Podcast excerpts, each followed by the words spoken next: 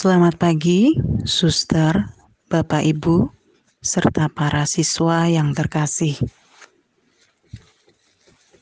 Pada pagi hari ini, marilah kita menyiapkan dan membuka hati kita untuk mendengarkan bacaan dan renungan pada hari ini.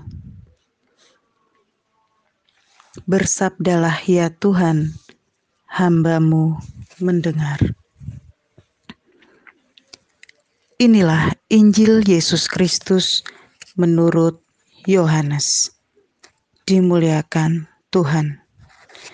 Injil Yohanes bab 19 ayat 25 sampai dengan 27.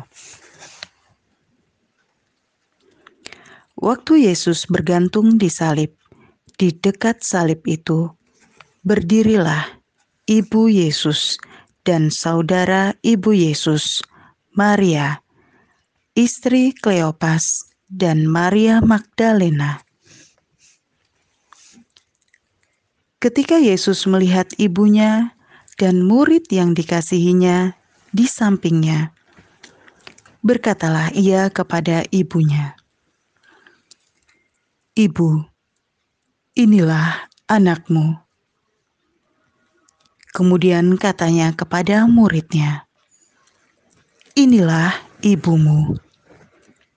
Dan sejak saat itu, murid itu menerima ibu Yesus di dalam rumahnya. Demikianlah Injil Tuhan. Terpujilah Kristus. Luka pasti meninggalkan bekas dan duka. Demikian juga, perkataan bisa membuat luka dan duka. Peringatan Santa Perawan Maria berduka cita ini mengingatkan kita bagaimana sikap dalam menghadapi luka dan duka di dalam hidup karena tidak semua hal yang enak dan nyaman yang kita inginkan terjadi dalam hidup kita ini bisa kita peroleh. Contoh, tidak sengaja melakukan suatu perkataan tidak enak, melayang, dan mampir singgah dalam diri kita.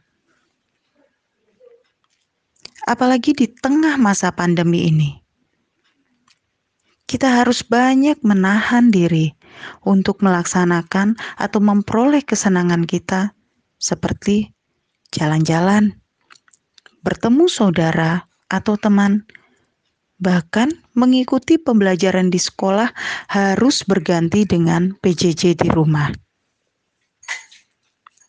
Peringatan Bunda Maria berduka cita ini mengarahkan kita kepada dua kata kunci, yakni ketaatan dan penyerahan diri.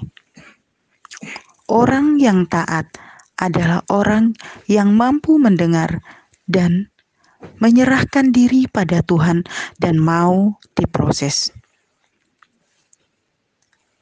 Tentunya fokus kita bukan pada buah, nilai, atau hasil.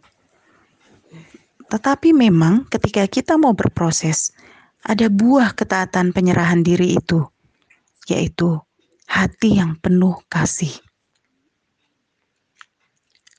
Semoga kita bisa lebih baik dari kemarin dan sukses untuk mengerjakan soal PTS hari kedua.